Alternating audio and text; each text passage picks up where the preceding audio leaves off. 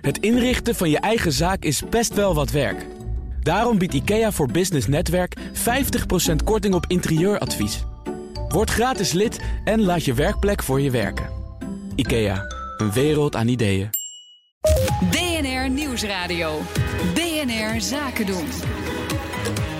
Thomas van Zeil. Minister Koolmees heeft een nieuwe wet arbeidsmarkt in balans naar de Tweede Kamer gestuurd. Niet iedereen is er even tevreden over. We peilen zo meteen de stemming in het ondernemerspanel. En dat bestaat uit Erik Pekel van AHA, Bureau voor Live Communicatie. Floris Venneman, managing partner van Bureau 50, Bureau voor het ontwikkelen en vermarkten van producten en diensten gericht op de 50-plus doelgroep en theatermaker.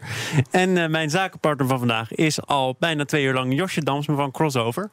Fijn dat jullie er allemaal zijn, of nog zijn. Goedemiddag. um, we beginnen met jullie eigen nieuws. Floris. Ja, Um, ik vond het een beetje lastig, moet ik zeggen, deze week. Er waren zoveel dingen en tegelijkertijd was er eigenlijk helemaal geen moer deze week. Um, maar ik wil toch eventjes, um, uh, wat ik vanochtend las, dat uh, Wayne Parker Kent uh, verkocht is aan Mediahuis, nu 100%. En ik vind dat wel een mooie ontwikkeling. Dat stemt mij wel positief. Dat, dat oude, traditionele papieren krantenmakers nu ook dit soort stappen echt ook openbaar wat meer gaan maken. Dus ik, Hoe bedoel je openbaar wat meer gaan nou, maken? Wat je ziet gebeuren is natuurlijk wel dat er wat, weet je, ze, ze rommelen wat in de marge. Je ziet traditionele uitgevers wel een beetje, een beetje aankloten en een beetje proberen. Maar dit zijn gewoon zichtbaar. Weet je, we gaan, het, we gaan hier gewoon vol op inzetten. We gaan het gewoon doen. Vond, en, aansluitend vond ik ook grappig. Deze week las ik iets aan een Nederlandse boekdrukker. Die, uh, zorgt, die gaat nu de Amerikaanse markt veroveren. Met soort hele kleine pocketboekjes die je heel plat neer kan leggen. En uh, wat zou ik zeggen is, ja, aan de ene kant zegt dat nou boeken, die hebben de toekomst niet meer. Maar nee, uh, ze gaan nu echt gewoon heel groot inzetten. Amazon is een van hun grootste leveranciers nu. Via wie ze alle boeken de Amerikaanse markt inslingeren. Dus ik dacht, ja, er, is, er zijn Ja. nog wat positieve ontwikkelingen. Er is ook of, nog eh, wat de papieren markt ook ja, nog de wat papieren markt, ja, ja. Die moeten we uitnodigen, denk ik. nou, maar daar ga Ja, ik ja, zo meteen eens zitten in, ja, achteraan. ja, zitten in Friesland volgens mij. Nou ja, we zijn een landelijk radiostation, toch? zeker weten. All the way. En je hebt natuurlijk ook eh, volgens mij Independer en de Volkskrant, hè? Ja, hetzelfde ook partij. een, Ja, eh, per- persgroep heeft inderdaad ook persgroep? Independer overgenomen. Ja. Dus je ziet wel dat soort ontwikkelingen. En ik, eh, nou, dat stemt mij wel positief. Ja. We gaan naar jouw nieuws. Wat minder positief, heb ik me laten vertellen. Ja, ik hou eh, heel ergens ook van die gedrukte media, van dat papier. En ik vond het helemaal niet lastig om een keuze te maken. Ik lees de Volkskrant en altijd net op die eerste binnenpagina, dus pagina 2. Er is een artikel en dat is altijd helemaal vet gedrukt. Dat staat daar onderaan. Dat is opmerkelijk nieuws. En het opmerkelijk nieuws van afgelopen maandag, zal wel weer even terug, was eh, fake nieuws in Italië. Roen eh, Dijsselbloem, eh, er was er een eh, filmpje naar buiten gebracht, werd gedeeld op de Facebookpagina van de Vijf Sterrenbeweging, een regeringspartij notabene. En er, er deugt helemaal niets van. Weet je, ze doen net alsof hij zegt vanuit Europa gaan we de eh, economie in Italië kapot maken. Het lijkt net alsof die hele film gedubt is. Hij heeft een interview gegeven aan CNBC. Volgens mij er is een Italiaanse vertaling. Net als ze in Duitsland dingen nasynchroniseren, hebben ze dat hier in Italië ook gedaan. En de boodschap een beetje aangepast. Ja, dat, het leek alsof ze het vertaald hadden. Het leek gedubt. En eh, daarin zegt hij dus... we moeten die Italiaanse eh, economie gaan uitkleden... zorgen dat beleggers het daar onmogelijk krijgen. Terwijl in werkelijkheid vergeleek hij wat er nu met de begroting speelt in Italië... met wat er in Griekenland is misgegaan. En hij zei van eh, zo erg als dat het in Griekenland is ontspoord... zo erg zal dat in Italië niet worden. Dat is het enige wat hij zei in dat eh, filmpje. En later zijn ze dus ook eh, die makers erop teruggekomen. Die zeiden nou, het was ook niet gedubt. Maar wij gaven een beetje de duiding bij wat hij zei. Nou, daar klopte dus ook helemaal niets van. Maar het leed is al geschied natuurlijk. Hè? Wat die populisten natuurlijk willen is onrust. Ze willen polariseren. Ze willen zeggen, kijk, het is zij tegen ons. Dat grote, gemene Europa, die willen ons helemaal kapot maken. En zelfs als je later gaat nuanceren, dan blijft die emotie overeind. En wij kennen dat fake nieuws natuurlijk vanuit eh, Rusland in de eerste plaats. Soms ook eh, eh, ja, vanuit De andere kanten. ja, van, van- vanuit de VS België, zelf, België. Maar dat dit van een regeringspartij eh, komt... of dat die daar op zijn minst dus flink aan meewerkt... om Ja, dat is de vraag. Want eng, er werd, ik heb dat eh, artikel ook gelezen, dan weer in de laatste alinea's van alles gedaan. Om te zeggen: nee, ze zijn niet officieel aan ons gelieerd. We weten eigenlijk niks van dit filmpje. We hebben geen contact met de makers. Het is per ongeluk in ons netwerk gekomen. Nou, laten we uitgaan van het goede van de mensen. Dat geeft dan weer wat hoop. Maar het leed is geschieden. En ik vind het toch wel echt heel eng. Laten we eh, met z'n allen dit soort ontwikkelingen op de in de gaten houden. En, en ja, daar in ieder geval aandacht aan besteden. Want het is natuurlijk. Ja, super scary dat je niet meer kunt vertrouwen wat je. Wat Op je Facebook in je Ja. timeline langs ziet komen. Ik ben helemaal mee Josje, wat is jouw nieuws? Ja, eh, mijn nieuws was eh, van Stedin dat ruim de helft van de nieuwbouwhuizen geen gasaansluitingen meer heeft. In Amsterdam die is er al heel druk mee bezig. Hè, dat eigenlijk alle nieuwbouw nu geen, eh, geen gas meer mag hebben. Maar wat ik daarbij, eh, ja, mijn eigen gedachte daarbij was, was van oké. Mooi hè, we allemaal naar energietransitie, een gasloze samenleving. Maar hoe gaan we dat dan ook doen met alle technici die dat werk moeten gaan doen? Eh, ik spreek heel veel met, eh, met technische bedrijven. En wat ze echt allemaal zeggen, het is een enorm probleem nu in Nederland... dat er te weinig studenten zijn op de opleidingen mbo elektrotechniek. Nou, dat zijn de mannen, helaas nog heel vaak mannen. Vrouwen meld je vooral ook aan. Eh, eh, om dat werk straks ook te gaan doen. En ook dat er nu zitten dus allemaal mensen nog in, in, in de bedrijven die nog bezig zijn met, met gasleidingen aanleggen en hoe je dat moet fixen. En al deze mensen moeten natuurlijk nu straks omgeschoold worden. En ik vind dat daar, dat ik dacht, ja, dat is gewoon echt belangrijk om daar met elkaar aandacht voor te hebben. En te Is die zorgen dat we het niet ook al een hele kunnen. tijd? Want dit, Nou, dit, ja, dit nee, geluid een- ken ik al wel namelijk. Nou ja, de ene kant is er wel een soort van, van aandacht van we- er moeten meer mensen naar de techniek. Ja. Maar er wordt heel weinig verder gedaan. Techniek pakt, platform beta, techniek, het is er dat allemaal. soort- ja, ja, maar er Ja, wordt mooie niet zo- beleidsstukken. Mooie beleidsstukken. Ja, beleidstuk inderdaad meer dan inderdaad. Eigenlijk moet je natuurlijk gewoon echt naar de, naar de mensen toe, naar de scholieren toe. En er zijn inderdaad ook, er zijn ook zeker wat initiatieven en ook wel bedrijven. Je ziet het vooral de bedrijven die die het wel lukt om genoeg technici te hebben. Die gaan dus gewoon echt al werven op de middelbare scholen, op de VMBO-scholen, op de basisscholen. Dus de bedrijven lossen eigenlijk nu het probleem. eh, wat, Ja. wat ook een overheidsprobleem is op. Ik bedoel, de bedrijven die gaan inderdaad, die, die recruteren al de, de studenten in hun eerste jaar van hun opleiding. eh, om te zorgen dat ze bij hen gaan werken. En de bedrijven die dat niet doen, die missen ook de boot. Maar ik denk van het is niet alleen een probleem van de bedrijven. Ik vind het ook een probleem van de overheid. We blijven overigens wel in de bouw met een nieuwe werknemer. Namelijk eh, Halbe Zijlstra, die gaat aan de slag bij bouwbedrijf Volker Wessels. Trad begin dit jaar af als minister van Buitenlandse Zaken. Dat deed hij dat nadat naar buiten kwam dat hij gelogen had over zijn aanwezigheid. We weten het waarschijnlijk allemaal nog wel in de dacha van de Russische president Poetin. Ja, dat nieuws heeft me echt lang bezig gehouden toen. Want ik kon er helemaal niets mee. Want ik dacht, zo'n halve Zijlstra. Dat is toch iemand... Ja, ik ben niet eh, altijd met hem eens. Maar het is toch iemand die steeds voorbij ziet komen... waarvan je denkt, nou, die heeft toch een hoop in zijn mars. En dat je dan als minister van Buitenlandse Zaken... zoiets naar buiten brengt en ook volhoudt. Terwijl het gewoon niet zo is. En je weet het ook. Ja, ik op kon een gegeven moment kun je er niet meer bij. Het was een beetje dom. Het was, e- ja, zeker. Maar dan nu, dan nu over, over het vervolg van zijn carrière. Hij wordt strategisch adviseur bij Volker Wessels. Ja, briljant. Geweldig, toch? Ik, bedoel, ik vind het mooi. Het is een slimme man. Die man die, die kent de wereld. Eh, die heeft een hele Rolodex vol met hele interessante telefoonnummers. Als ik Volker Wessels was geweest, had ik hem direct aangenomen. Dus ik begrijp die keuze volledig. En één ding weet je zeker. Hij zal heel scherp zijn en deze fout echt niet nog een keertje maken. Iedereen verdient een eh, tweede kans. Maar het is toch spannend om iemand dan die eh, kans eh, te gunnen. Omdat je weet dat hij wel onder een vergrootglas blijft liggen. En dat bijna alle echte belangrijke besprekingen toch ook gaan beginnen met zo'n grapje. Van ja, ja, wat jij hier ter tafel brengt. ho, ho, ho, ho. Ik, ik En ben dat nog wel is heel nieuwsgierig moeizaam. hoe zijn sollicitatieprocedure is gegaan. En ook wat hij dan in het gesprek heeft gezegd. Want ik, ik zat inderdaad over na te denken van... Nou, neem je dan, zou, ik zou ik zelf iemand aannemen bij wie zoiets is gebeurd? En dan denk ik altijd, nou, voor mij het belangrijkste is... dat als je dan daarover hebt... dat iemand dan wel ook nou, zijn eigen fout inziet. En eh, een aandeel ook gewoon serieus naar zichzelf kijkt. En ook een paar andere dingen wel goed heeft gedaan. En, eh, maar daar ben ik nieuwsgierig naar hoe dat in, in het gesprek gegaan is.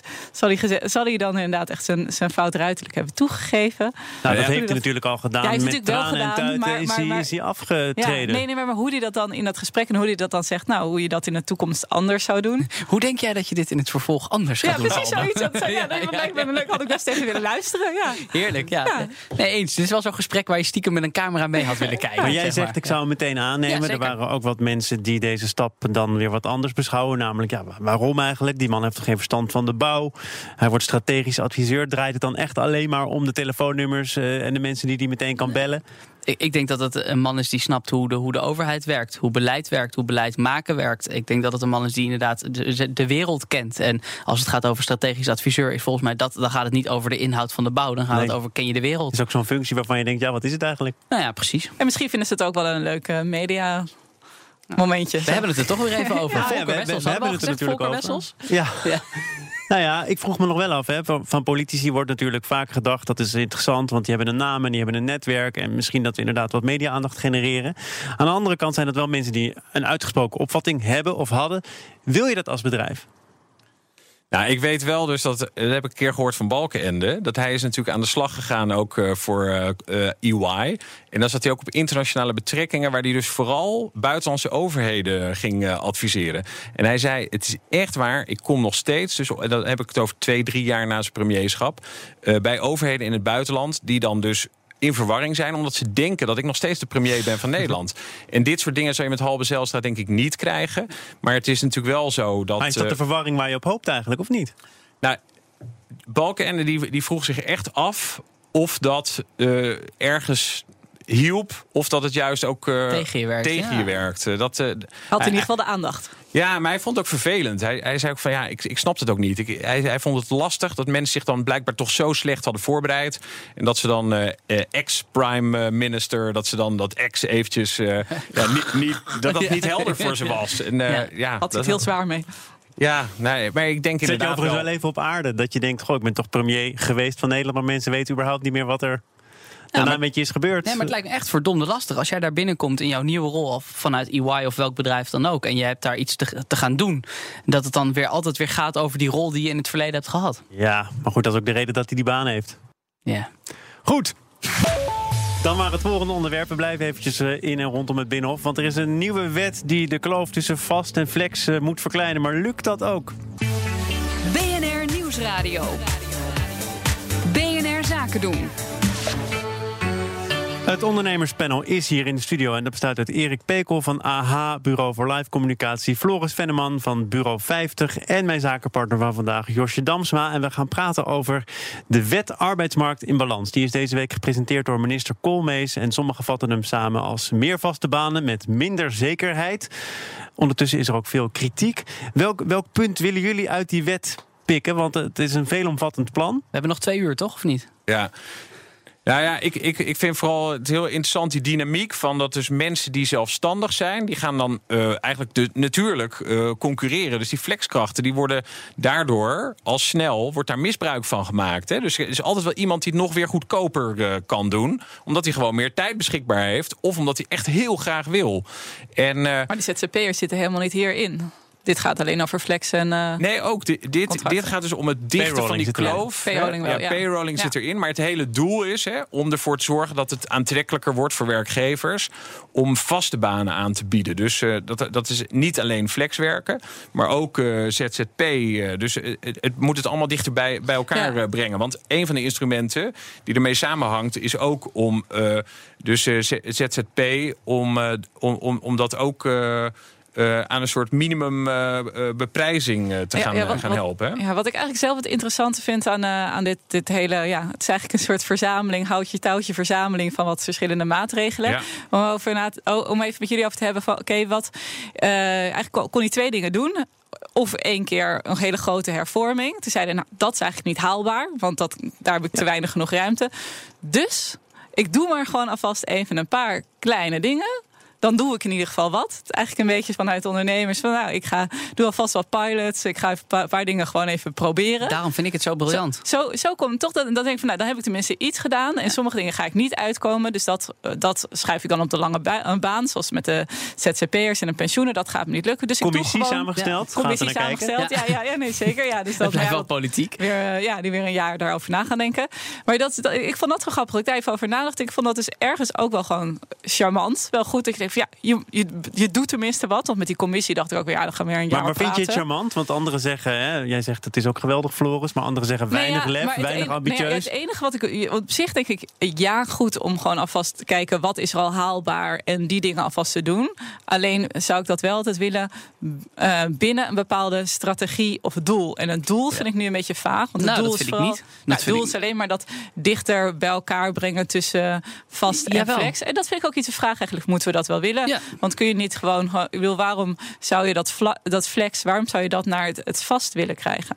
Nou ja, goed, kijk, dat kan ik vanuit arbeidsmarktperspectief best wel roepen. Aan de andere kant, wat ik hier heel mooi vind, is dat dit langzamerhand een beetje ook zaadjes, hopelijk althans, gaat planten bij mensen in hun hoofd. Dat ook dat werk iets is wat niet meer betekent 40 jaar bij dezelfde werkgever, 30 jaar bij dezelfde. Nee, dit wordt iets wat een beetje fluïde wordt. Misschien kun je wel twee of drie werkgevers hebben. Ik, wat ik zie Maar, als maar, ik, dat, wordt, maar dat, dat vind ik dus juist dat dat er dus niet echt in staat. Want het gaat juist Jawel, veel meer om die maar contracten. Ja, maar wacht En- even, kijk, volgens mij... je zou ook kunnen zeggen van je doet, uh, gaat alle contracten naar vijf jaar contracten doen. Nee, en dan ja, maar, krijg ja, je maar, echt volgens, mij- dat, volgens mij werkt dat niet. Kijk, wa- wat hier het mooie is, is als, als er in de politiek geroepen wordt... we, we gaan het helemaal anders doen... dan eh, staat eh, de halve vakbonden staan allemaal aan de deur te rammelen... en het kan niet, en met spandoeken en het is drama en ellende. Eh, de werkgevers beginnen Nou, maar er allemaal... zitten wel wat, wat stevige wijzigingen in. Weet je, het is niet dat hij aan een paar kleine Rondom eh, eh, bijvoorbeeld draait. het ontslagrecht. Nou, dat vind ik best een behoorlijke verandering. Ja, en, dat helemaal, hè, Floris zegt, dan staat de vakbond op zijn achterste benen. Ja, in dit die staan- voorstel vindt iedereen... nou, die staan nog Nou, steeds wel op hun Precies, achterste dus de vakbond is niet Ja. tevreden en de werkgevers zijn, zijn ook niet Nee. tevreden. Nee, dus Nou ja, goed, ik, ik, ik spreek namens één werkgever. Zijnde ik, kijk, ik vind het heel fijn dat je mensen er makkelijker uit kunt gooien. En Ja. dat je daar niet meer een eindeloos dossieropbouw voor hoeft te doen. Ik vind dat een hele mooie eerste yes, want dat het maakt idee is nu dat je verschillende eh, redenen cumulatieve kunt, ja, redenen, redenen kunt bij elkaar kunt. Oké, Ja. maar dus die flexibiliteit. Dat, dat, dat, dat, dat zet door. Dat, dat is gewoon duidelijk. Dat zie je overal. Maar tegelijkertijd worden dus heel veel flexkrachten minder goed betaald dan vaste krachten. Of in ieder geval vaste krachten kosten veel meer. En dat is dus heel krom. Want je zou zeggen, net als met een eh, verzekering eh, bijvoorbeeld... als je risico wil afdekken, hè, dus als je flexibeler wil zijn... als je makkelijk even inhuren, dan weer er vanaf... dan zou dat gewoon meer moeten kosten. Dat is echt ook economisch heel erg goed eh, verdedigbaar. Ja. Ja. En dat zit echt wel heel duidelijk hierin. En dat vind ik eigenlijk gewoon. Ja, daar kunnen werkgeversorganisaties eh, zeggen van. Nou, dan wordt het allemaal eh, te duur. Ik denk dat mensen uiteindelijk best bereid zijn om daarvoor te betalen. Want het is gewoon een heel helder, heel duidelijk verhaal. Ja. Ik zeg ook niet dat het, dat het aan zich. Het, eh, het- ik bedoel, er zijn een heleboel haken en ogen te bedenken. Maar wat het, wat het deze minister siert, is dat hij niet eindeloos in een kamertje plannen gaat zitten maken. In allerlei hokjes, alle dingen. Hij gooit het gewoon de wereld in. En dan krijg je waarschijnlijk een heleboel shitload over je, over je heen. Maar het roept ook een heleboel Nou, reacties omdat het op. allemaal nog niet af is natuurlijk. Hè? Ja, maar, ja, maar weet je, maar het is een rare reden uit. Want in ondernemerschap, het moet allemaal agile, het moet allemaal scrum, het moet allemaal lean Ja, startup zometeen zijn. ga jij je organisatie inrichten op de huidige wet arbeidsmarkt in balans. Is Ja. er zometeen die commissie die die eh, in het eh, werk in, in, in Ja, staat dat zou toch ook niet je reflex moeten zijn? Nee, precies. Nou, en dan over een jaar blijkt het allemaal toch weer anders te moeten. Nee, maar dus moet je. Maar als ondernemer vind ik dat je überhaupt eh, je niet te afhankelijk moet opstellen van allerlei regels die de overheid heeft. Je moet lekker onafhankelijk opereren. Eh, het is goed dat je dit soort ontwikkelingen. En daarom ben ik blij dat dit er nu al ingegooid wordt. Dan kun je nu alvast nadenken als ik mijn plannen voor 2019, 2020 aan het maken ben. Hoe ziet het eruit? Dames en heren, ik wil met jullie nog even door de dopingtest, als het eh, mag. Want we gaan naar een bericht dat vandaag via de regionale omroep 1 Limburg naar buiten kwam. Bij een steekproef onder medewerkers van Netcar bleek ongeveer de helft onder invloed te zijn van alcohol of drugs. Nou, dat roept vragen mee, op. Eh, dat weet ik niet. ik weet niet wanneer jij voor het laatst. eh, hè, jij stond laatst op de planken natuurlijk in het theater. Misschien dat je toch dacht: ik, ik, ik heb wat sterks Nee, nodig. nuchter, helemaal nuchter. Ja. Wat, wat vinden jullie ervan? Want er- je kunt er verschillende dingen van zeggen. Namelijk, het percentage is heel hoog. Nou, ik had gisteren een bespreking bij eh, Ajax. Echt achter de schermen. Daar lag dus een grote spiegel op tafel. En die was decoratief bedoeld, denk ik. Maar het is natuurlijk toch heel vreemd. Weet je, dat als je zo'n test doet. dat dan de helft, hè, 300 mensen van de 600. Dat die dus allerlei sporen hebben. Wat ik wel heel vaag vind in het artikel. is dat er niet staat over wat voor limiet dat dan gaat. Hè. Dus er stond wel bij van. Oh, het kan ook echt prima recreatief eh, alcoholgebruik zijn van een dag ervoor.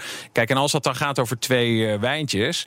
eh, da- dan, dan denk ik dat die andere mensen in dat bedrijf zich niet enorm veel zorgen hoeven te maken. Let wel, die mensen, ook met twee wijntjes de dag ervoor, zijn dacht minder er scherp. Ja, nee, Ja, nee, nee, ik wil het niet zeggen. Ik denk, ik hou wijselijk even mijn mond. Maar, Nee, maar ik ben net hier door de test eh, gekomen. Maar het is, het is wel dus zo, wat er ook in dat, in dat stuk staat, eh, dat je bent verantwoordelijk voor je eigen veiligheid, maar ook voor die van je collega's. En eh, ik presenteer al jaren het eh, congres voor industriële veiligheid. En het bijzondere is dat dit is een onderwerp dat vorig jaar op de agenda stond. Heel veel werkgevers, maar met name werknemers, zijn zich onvoldoende bewust.